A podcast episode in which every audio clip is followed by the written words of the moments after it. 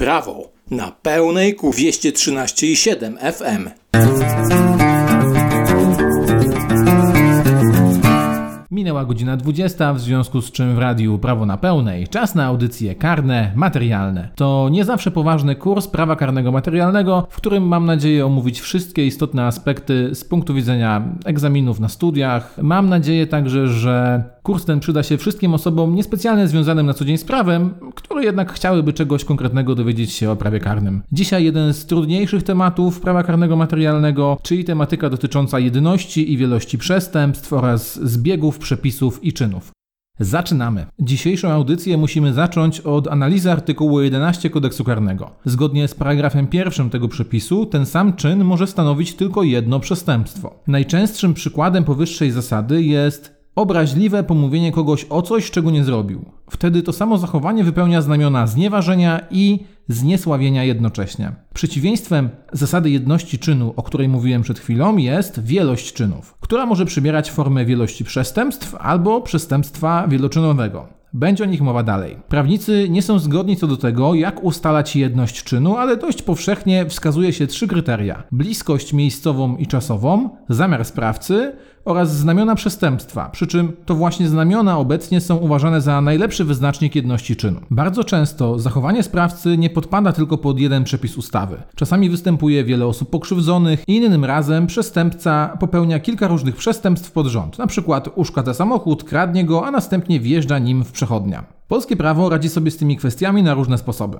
Jedną z takich koncepcji jest czyn ciągły, opisany w artykule 12 kodeksu karnego. Zgodnie z artykułem 12 paragraf 1 kodeksu karnego, dwa lub więcej zachowań podjętych w krótkich odstępach czasu w wykonaniu z góry powziętego zamiaru uważa się za jeden czyn zabroniony. Jeżeli przedmiotem zamachu jest dobro osobiste, warunkiem uznania wielości zachowań za jeden czyn zabroniony jest tożsamość pokrzywdzonego. Warunki skorzystania z tej instytucji są więc następujące. Po pierwsze, wystąpienie co najmniej dwóch dwóch zachowań sprawcy. Po drugie, krótkie odstępy czasu między nimi. Po trzecie, istniejący w umyśle sprawcy powzięty przed dokonaniem zamiar. I po czwarte, jeśli atakowane jest dobro osobiste, Ustalenie czynu ciągłego zależy od stwierdzenia, że ofiarą jest ten sam pokrzywdzony. Opisana konstrukcja przydaje się w praktyce karnej, ale nie usuwa wszystkich istniejących wątpliwości, które dotyczą zwłaszcza sytuacji, gdy tylko jeden element powyższej wyliczanki nie jest spełniony. Pojawiają się także problemy dotyczące poszczególnych warunków w zakresie tego, jak interpretować postać zamiaru, jak liczyć krótki czas wymieniony w przepisie itd.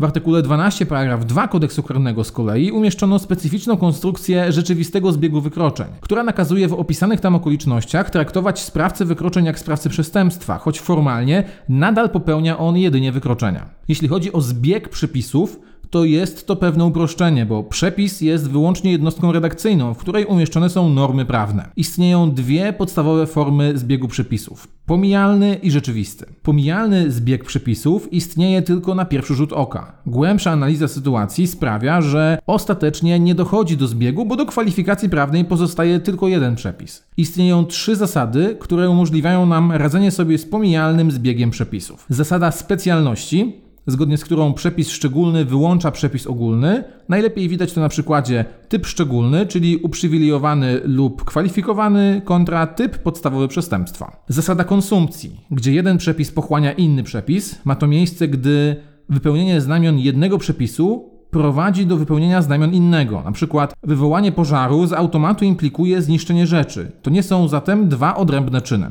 Zasada subsydiarności mówi, że przepis pierwotny wyłącza przepis posiłkowy. Inaczej mówiąc, przepis posiłkowy stosuje się tylko wtedy, gdy nie można z jakiegoś powodu skorzystać z przepisu pierwotnego. Obecnie ta zasada została wyrażona jedynie w artykule 231 paragraf 4 kodeksu karnego dotyczącego nadużycia funkcji publicznej. Jeśli chodzi o drugą formę zbiegu przepisów, czyli rzeczywisty zbieg przepisów, to ma on miejsce, gdy nie udało się zastosować zasad ustalania pomijalnego zbiegu przepisów. Dochodzi do niego w przypadku krzyżowania się norm prawnych odpowiadających za opis czynów zabronionych. Także i tutaj wypracowano trzy sposoby radzenia sobie ze zbiegiem rzeczywistym. Idealny zbieg przepisów stwierdza, że liczba naruszonych norm równa jest liczbie popełnionych czynów zabronionych. Ma on ograniczone zastosowanie i dotyczy odpowiedzialności za przestępstwo i wykroczenie. Eliminacyjny zbieg przepisów to koncepcja wypracowana w kodeksie karnym z 1932 roku, zgodnie z którą, jeśli czyn podpadał pod kilka przepisów, kwalifikacja i kara następowały na podstawie najsurowszego przepisu. Kumulatywny zbieg przepisów to koncepcja przyjęta w obecnym kodeksie.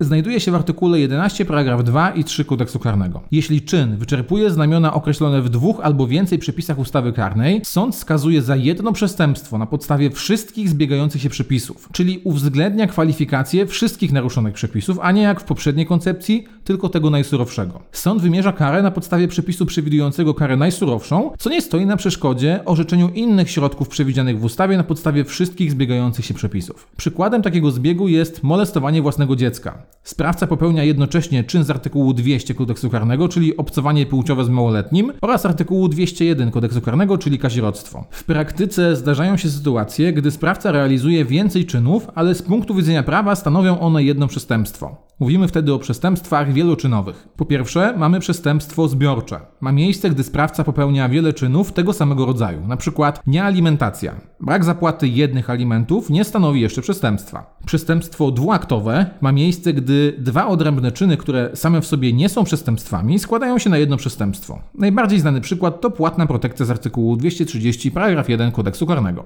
Przestępstwo złożone to podobna sytuacja jak w przestępstwach dwuaktowych, ale tutaj czyny same w sobie też stanowią przestępstwo. Najlepszym przykładem jest rozbój składający się z kilku różnych czynów zabronionych. Przestępstwo dopuszczające realizację jedno- i wieloczynową to na przykład szpiegostwo, które można popełnić raz lub wiele razy w ramach jednego czynu. Mamy wreszcie przestępstwo o strukturze mieszanej, to jest przede wszystkim znęcanie się z artykułu 207 kodeksu karnego. Kolejna instytucja dotycząca omawianej tematyki to ciąg przestępstw. Został uregulowany w artykule 91 kodeksu karnego. Zgodnie z artykułem 91 paragraf 1 KK, jeśli sprawca popełnia w krótkich odstępach czasu z wykorzystaniem takiej samej sposobności dwa lub więcej przestępstw, zanim zapadł pierwszy wyrok, chociażby nieprawomocny, co do któregokolwiek z tych przestępstw, sąd orzeka jedną karę określoną w przepisie stanowiącym podstawę jej wymiaru dla każdego z tych przestępstw w wysokości do górnej granicy ustawowego zagrożenia zwiększonego o połowę. Konstrukcja ta przypomina dość mocno omówiony już czyn ciągły z artykułu 12 kodeksu karnego. Inny jest jednak cel regulacji.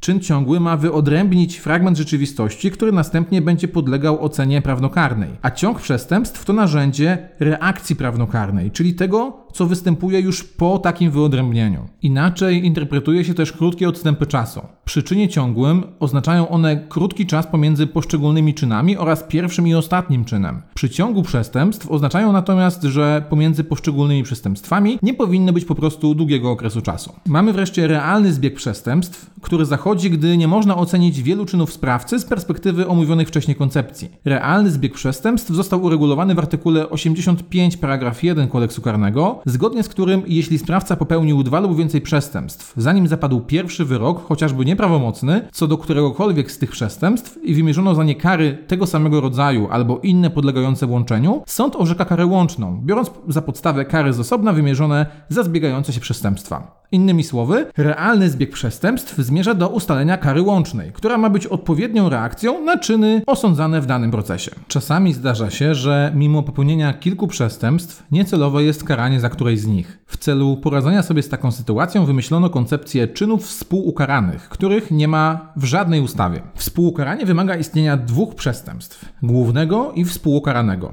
Współukaranie przestępstwa uprzedniego ma miejsce, gdy z jakiegoś powodu nie chcemy karać za czyn popełniony przed czynem właściwym. Na przykład przygotowanie do fałszowania pieniędzy, choć stanowi odrębne przestępstwo, nie powinno być karane, gdy zaraz po nim faktycznie dokonano fałszerstwa. Współukaranie przestępstwa następczego ma miejsce wtedy, gdy przestępstwo takie po czynie właściwym nie wyrządza większej szkody i nie godzi w inne dobro prawne. Najczęściej przestępstwo następcze związane jest z unikaniem odpowiedzialności. To tyle na dzisiaj. Mam nadzieję, że wszystko, co powiedziałem, było dosyć jasne. Gdybyście mieli jakieś pytania, piszcie w komentarzach na YouTube, ewentualnie e, w wiadomościach mailowych do mnie. Zapraszam na moją stronę lexmanual.pl, na której znajdują się m.in. skrypt z kodeksu karnego oraz skrypty z innych kodeksów, a także opracowania innych ustaw. Do zobaczenia już niedługo.